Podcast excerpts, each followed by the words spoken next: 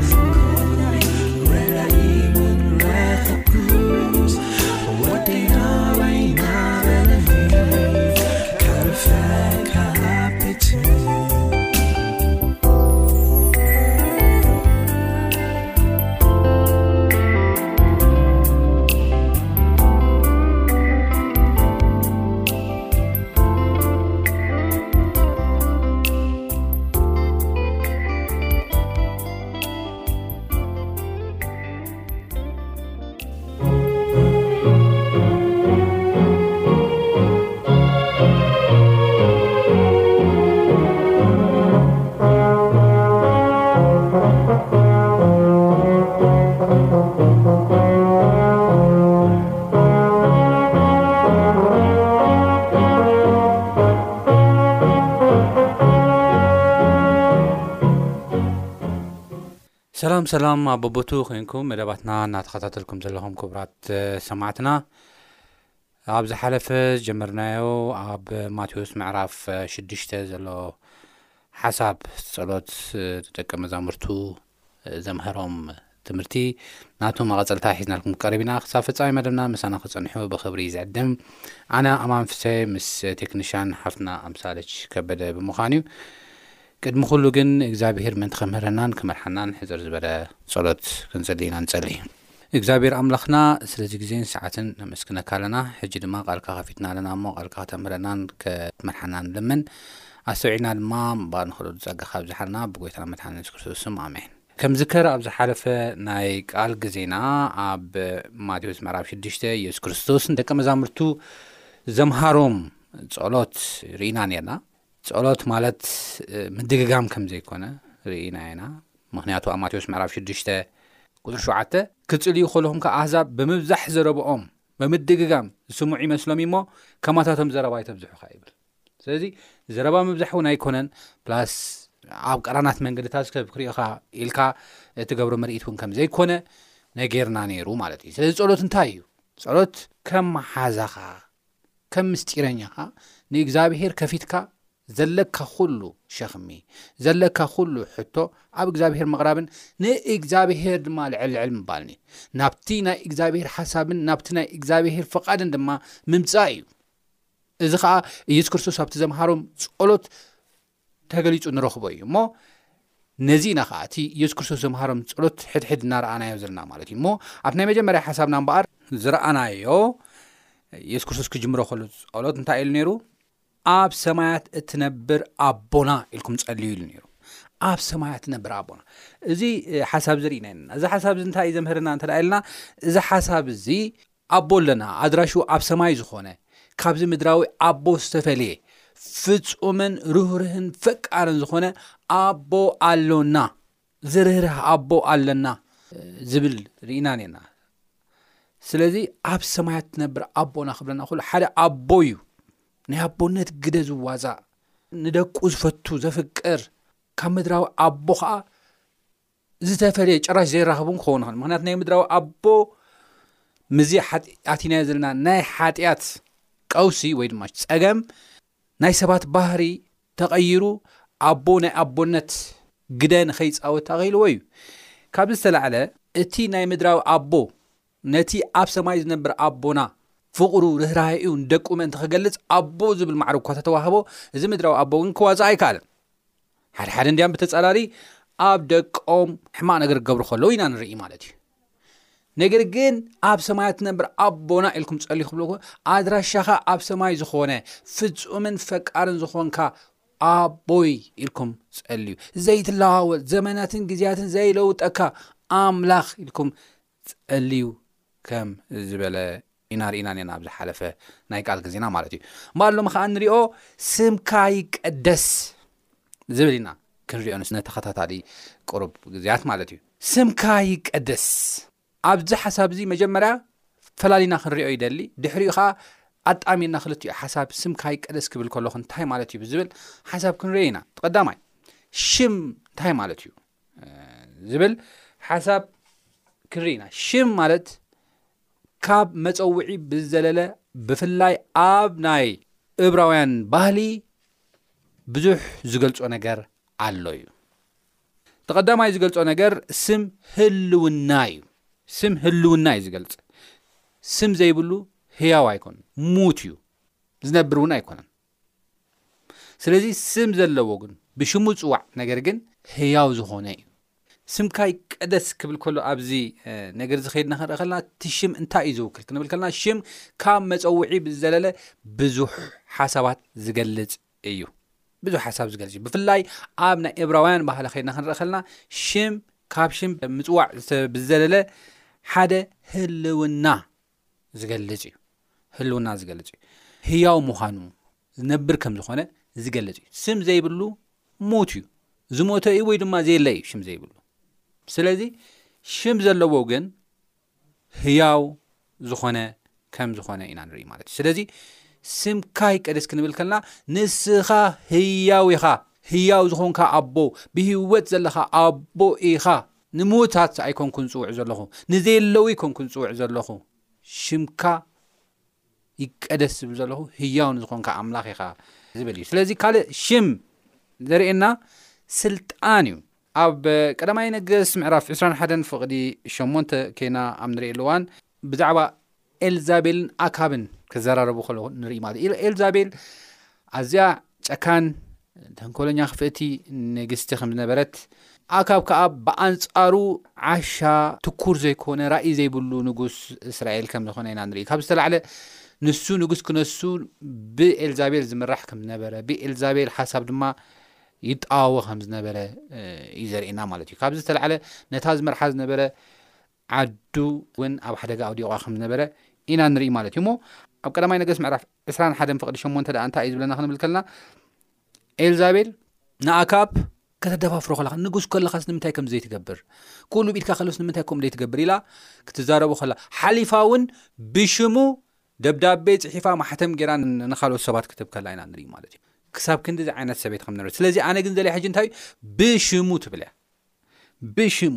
ደብዳቤ ጽሒፋ ማሕተም ጌራ ንመላእ ይሁዳ ከም ዝበተነቶ ንማላእ እስራኤል ከም ዝበተነቶ ዘርኢ ሓሳብ እዩ ስለዚ ሽም ስልጣን እዩ ብሽሙ ዝብል ቃል ኣብኡ ኮይና ክንርኢ ከለና ሽም እንታይ እዩ ዝውክል ብስልጣን በቲ ዘለዎ ማዕርግ በቲ ዘለዎ ቦታ ጌራ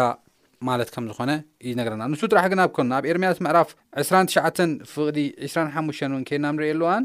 እግዚኣብሔር ጎይታ ሰራዊት ኣምላኽ እስራኤል ከምዚ ይብል ኣሎ ደብዳበ ብስምካ ጽሒፍካ ንዅሉ እቲ ኣብ ኢየሩሳሌም ዘሎ ህዝብን ናብ ጽፋንያ ወዲ ማእሰያ እቲ ኻህን ካብ ኵላቶም ካህናትን ከምዚ ኢልካ ሰደድካ ይብለና፣ ኣብዚኣ ኽትደልያ ነገር ከኣ፣ ንሸማያ ወዲ በዓል ኔሕላም ዝተባህለ ሓላፊ ዝተዘርቦ ነገር እዩ፣ ዝገበሮ ነገር ማለት እዩ፣ እንታይ ኢሉ፣ ብስምካ ደብዳበ ጽሒፍካ ኢኻ፣ ንዅሉ ኣብ ኢየሩሳሌም ዘሎ ህዝብን ናብ ጽፋንያ ዝበሃል ወዲ ማእለያ ዝበሃል ሰብን እንታይ ጌርካ ኢኻ ደብዳቤ ጽሒፍካ ኢኻ ክብል ከሎ ኢና ንርኢ እቲ ካልእ ኣነ ሕጂ ናብ ታሪክ ክመጽእ ኣይደለኒ ግን እቲ ሓሳብ እንታይ እዩ ዘርእና ዘሎ ብሽምካ ክብል ከሎ በቃ በቲ ዘለካ ቦታ በቲ ዘለካ ስልጣን መዓርግ በቲ ዘለካ ቦታ ፅሒፍካ ማሕተም ጌርካ ደብዳቤ ሰይድካ ኢኻ ክብል ከሎ ኢና ንርኢ ስለዚ እዚ ስም ዝብል ኣብዚ ሓሳብ ተገሊፁ ዘሎ ስልጣን ቦታኻ፣ ግዝኣትካ፣ ዘለካ ሓላፍነት ዝውክል ከም ዝኾነ እዩ እዚ ክልተ ጥቕስታት ዘርእየና ማለት ንሱ ጥራሕ ግን ኣይኮነን ስም ካብዚ ብዝዘለለ ዝናኻ እውን ዘመላኽት እዩ ፍሉጥ ምዃንካ ህቡብ ምዃንካ ዘርኢ እዩ ኣብ መክበብ ምዕራፍ ሸውዓተ ፍቕዲ ሓደ ሲ ከም ዝብል ቃል ኣላ ካብ ፅቡቕ ሽታ ፅቡቕ ስም ሓይሽ ካብ መዓልቲ ምውላድ መዓልቲ ሞት ይበልፅ ይብል ጽቡቕ ህቡብነት ይሓይሽ፣ ሰብ ክቕበለካ ይሓይሽ ክብሎ ከሎ ኢና ንርኢ። ስለዚ ጽቡቕ ስም ክብሎ ከሎ ኣብዚ ከይና ክንርኢ ከለና ጽቡቕ ህቡብነት፣ ጽቡቕ ተፈላጥነት ተሃለወካ ይሓይሽ፣ ሰብሲ ብጽቡቕ ተፈለጠካ፣ ብጽቡቕ ኣረኣእያ ተራእየካ ይሓይሽ እዩ ዝብል እቲ ስም ዝብል ኣብዚ ከይና ክንርኢ ኢና። ስለዚ ስም ዝናኻን ዕቤትካን ንምግላጽ ተጠቀመሉ እዩ። ነዚ ሓሳብ ተታሒዙ እዩ እምበኣር ኣብ ኢዮብ ምዕራፍ ሰላሳ ፍቕዲ ሸሞንተ ዘሎ ሓሳብ ከምዚ ብምባል ተዛረብ ውሉድ ውሉድ ደናቑርቲ ስም ዘይብሉ ዓለት ተገሪፎም ካብ ሃገር እተሰጉዮም ሕጂ ኣነ መድፈሪኦም ኮንኩ መዛሪበኦም እውን ገበሩኒ ይብለና ብዛዕባ እቶም ዝኸስዎ ዝነበሩ ሰባት ከዛረብ ከሎ ማለት እዩ ምክንያቱ እሶም ንእሽተኦም ዓብኦም ኩሎም ንእዮብ ይኸስዎ ነይሮም ንስኻ ሓጢኣት ስለ ዝሰራሕካ ኢኻ ንስኻ ገበን ስለ ዝሰራሕካ ኢኻ ይብልዎ ነይሮም ካብ ዝተላዕለ ግን እዮብ እንታይ ክብሎም ከሎ ኢና ንርኢ ውሉድ ዶናቑርቲ ስም ዘይብሉ ዓሌት ፅቡቕ ሽም ዘይብሉ ዓሌት እንታይ ገበርኒ ኣዋርድኒ ፈረድኒ ክብል ከሎ ኢና ንርኢ ማለት እዩ መዛረቢኦም ገበርኒ ክብል ከሎ ኢና ንርኢ ማለት እዩ ሞ ሽም ዝናኻ ህውነትካ ተፈላጥነትካ ብኸመይ ከም ትፍለጥ ዘርኢ እውን እዩ ኣብ መወዳእታ ነገር ግን ወሳኒ ዝኾነ ሓሳብ ድማ ስም ዝገልጾ ነገር እንታይ እዩ ክንብል ከለና ስም ዝገልጾ ነገር ባህሪ እዩ፣ ስብእና እዩ፣ ማንነትካ እዩ፣ መን ምዃንካ ዝገልጽ እዩ። ብፍላይ እዚ ከኣ ቅድም ኢለ ከምቲ ኣብ መጀመርያ ዝብልኩ ብፍላይ ኣብ ናይ እስራኤላውያን ወይ ድማ ኣብ ናይ እብራውያን ባህሊ ከድና ክንርኢ ከለና ሽም ስብእናኻ፣ ማንነትካ፣ ባህሪኻ ዝገልጽ እዩ። ኣብ ባህልና እውን ስም ይመርሕ ጣፍ ገለገለ ዝብል ምስላታት ኣሎ ሽምካስ ወሳኒ ከም ዝኾነ ኣብ ባህሪኻ ማንነትካ ዘፍልጥ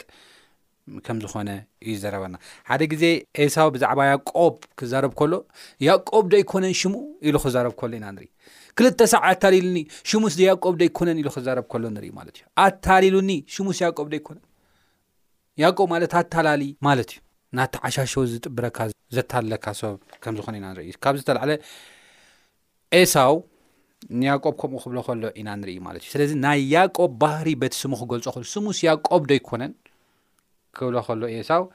ንያቆብ ኣብ ዘፍጥረት ምዕራፍ 27 ፍቕዲ 36 ንርኢ ማለት እዩ እንዲያም ተዘንብቡ ደስ ይብለኒ እንታይ ይብል ኤሳው ከዓ ክልተ ሳዕ ጠቢሩኒ ይብል ክልተ ሳዕ ጠቢርኒ ብኹርናይ ወሰደ ሕጂ ከዓ እንሆ ምረቓይ ወሰደ ይብል ስምዶ ግዳ ያቆብ ኣይኮነን ይብል ንኣይ ከኣ ምርቓ ዶ ኣይትርፍካለይን ኢኻ ድማ በሎ ይብል ንኢሳው ክዛረቦ ከሎ እዩ ኤሳው ዝተ ስሙ ዶ ያዕቆብ ኣይኮነን ስሙ ዶ ተላሊ ኣይኮነን ከምቲ ስሙ ዶ ኣይኮነን ገይሩ ጠባሪ እዩ ሽሙ ከም ጠባሪ ከም ኣታላሊ ዶ ኮነ ኣይኮነን ገይሩ ክብሎ ከሎ ከምቲ ቅድም ኢለ ዝበልክዎ ክዛረብ ከሎ ኢና ስለዚ ስም ማንነትካ ባህሪ እንታይነትካ ዝገልጽ እዩ ካብዚ ተወሳኺ ኣብ ቀዳማይ ሳሙኤል ምዕራፍ 25 ፍቅዲ 25 ኬድና ክንርኢ ከለና ከምዚ ይንበብ ጎይታይ ኣዚ ብልያል ሰብ ኣብ ናባል ልቡ ከይውድቅ እልምን ኣለኩ ስሙ ናባል እዩ እሞ ጽላለ ኣለዎ ከምቲ ስሙ ንሱ ከኣ ከምኡ እዩ ኣነ ገረድካ ግና ናብቶም ዝለኣክካዮም ናይ ጎይታይ ኣጉባዝ ኣይረኣኩዎምን ይብለና ኣብዚ ኣቢጋይል እያ ትዛረብ ዘላ ንዳዊት ማለት እዩ ኣቢጋይል ብጣዕሚ ለባም ብጣዕሚ ንፍዕቲ ኣስተውዓሊት ሰብ እያ ነይራ ነገር ግን ኣስውዓል ዝኾነ ሰብኣይ ኣይነበራን እዚ ሰብኣያ ከኣ መን እዩ ሽሙ ነይሩ ናባል እዩ ነይሩ ናባል ማለት ትርጉሙ ዓሻ ደየስተውዕል ማለት እዩ ትርጉሙ ስለዚ እሳ እውን ብዛዕባ ሰብኣያ ክትዛረብ ከላ ኣብ ናባል ልቡ ከይውድቕ እልምነካ ኣለኹ ኢላ ንዳዊት ክትዛረብ ላ ስሙ ናባል እሞ ፅላለ ኣለዎ እያ ፅሉል እዩ በቃ ህውኽ እዩ ዓሻ እዩ ከምቲ ስሙ ስሙ ዶ ናባል ኣይኮነን ስለዚ ኮሚዩ ኣብኡ ከይተውድቕ ልብኻ ንዑ ኣሚንካ ታኣሽሙ ከይትገብር ክትብሎ ከላ ኢና ንርኢ ማለት እዩ እሞ ስም ባህሪ ስብእና ከም ዝገልጽ ኢና ንርኢ ማለት እዩ እምበኣርከ ስም እዚ ካብ ገለጸ ብዛዕባ ናይ እግዚኣብሄር ስም ክንመጽእ ከለና ከዓ ናይ እግዚኣብሄር ስም ኩሉ ባህሪኡ ስልጣኑ ዝንኡ ህያው ምዃኑ ዝገልጽ እዩ ብጣዕሚ ዝገርም ነገር እዩ ህያው ምዃኑ ዝገልጽ እዩ ምናልባት ካብ ስማቱ ሓድሓደ ኣልዒልና እንተ ርኢና፣ እግዚኣቢሄር ዝብል ናይ ግእዝ ቃል ስልጣኑ ገዛኢ ምዃኑ ዘርኢ እዩ። እግዚኣቢሄር ማለት ናይ ብሄራት፣ ናይ ዝተፈላለዩ ኣህዛብ ገዛኢ፣ ኣቦ፣ ኣምላኽ ማለት እዩ። ስለዚ ሽሙ ገዛኢ ምዃኑ፣ በዓል ስልጣን ምዃኑ ዘርኢ እዩ። እግዚኣብሄር ክንብል ከለና ማለት እዩ ንሱ ጥራሕ ኣይኮነን ኣብ መዝሙር ምዕራፍ 76 ፍቕዲ ሓደ ከድና ንርኢ ኣለዋን መዝሙር ምዕራፍ 76 ፍቕዲ ሓደ ሽሙ ዓብ ምዃኑ እዩ ይዛረበና ኣምላኽ ኣብ ይሁዳ ፍሉጥ እዩ ስሙ ኣብ እስራኤል ዓብእ ይብለና ኣምላኽ ኣብ ይሁዳ ፍሉጥ እዩ እወ ስሙ ኣብ እስራኤል ዓብይ እዩ ስሙ ዓብይ እዩ ይብለና ስለዚ ገዛኢ በዓል ስልጣን ዓብዪ ኣምላኽ ምዃኑ ዘርኢ እዩ ፕላስ ድማ ህያው ምዃኑን ዘርኢ እዩ ማለት እዩ ናብቲ ካልእ ሽሙ ኬድና ክንርኢ ከለና እውን ብዛዕባ እቲ ናቱ ካራክተርስ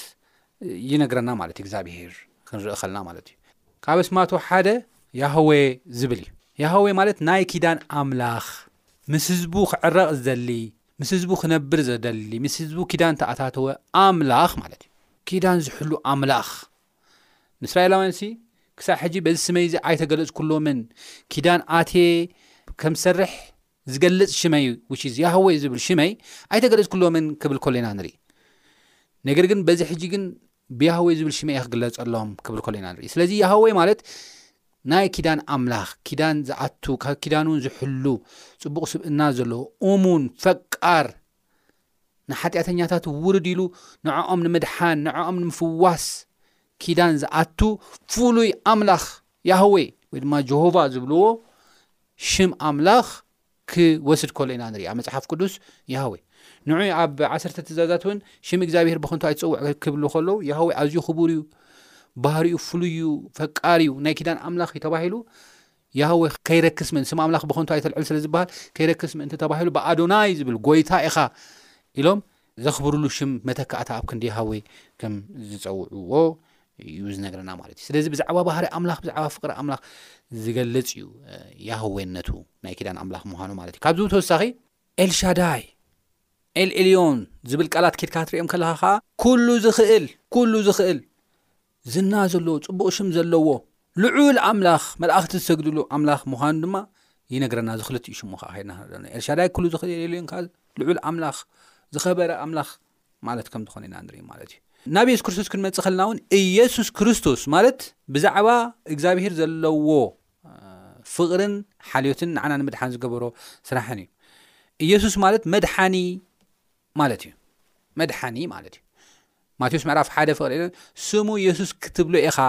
ማቴዎስ ምዕራፍ ሓደ ፍቅሪ 21 ስሙ የሱስ ክትብሎ ኢኻ ምክንያቱ ንህዝቡ ካብ ሓጢኣቶም እንታይ ክገብሮም እዩ ክድሕኖም ይብል ስለዚ መድሓኒ ማለት እዩ የሱስ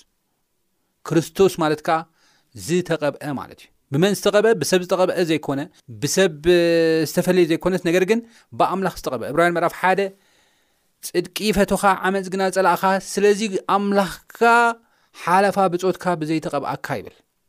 ብኣምላኽ ዝተቐብአ ማለት እዩ ስለዚ ኢየሱስ ክርስቶስ ክንብል ከልና ብኣምላኽ ዝተቐብአ ንሰብ ንምድሓን ዝመጸ መድሓኒ ማለት እዩ ትርጉሙ ማንም ዝቐብኦ ማንም ዝተለየ ይኮነን ኣምላኽ ባዕሉ ኣቦ ባዕሉ ዝቐብኦ ንዓና ንምድሓን ዝመጸ መድሓኒ ማለት እዩ የሱስ ክርስቶስ ክበሃል ከሎ ትርጉሙ ማለት ስለዚ እዚ ኣብቲ ስሙ እንታይ ኢና ንርኢ ተልእኹኡ ንርኢ፣ ማንነቱ ንርኢ፣ ፍቕሩ ንርኢ፣ ሓልዮቱ ንርኢ ማለት እዩ። ስለዚ ሽም እግዚኣብሄር ክንብል ከለና ዓብዪ እዩ፣ ግሩም እዩ፣ ፈቃር ዝኾነ ኣምላኽ ወን እዩ ኢና ንብል ዘለና ማለት እዩ እሞ ኣብ መዝሙር ምዕራፍ ዒስራ ፍቕዲ ሸውዓተ ዘሎ ከንብብ እሞ ሓሳበይ ከጠቓልል እፈቱ።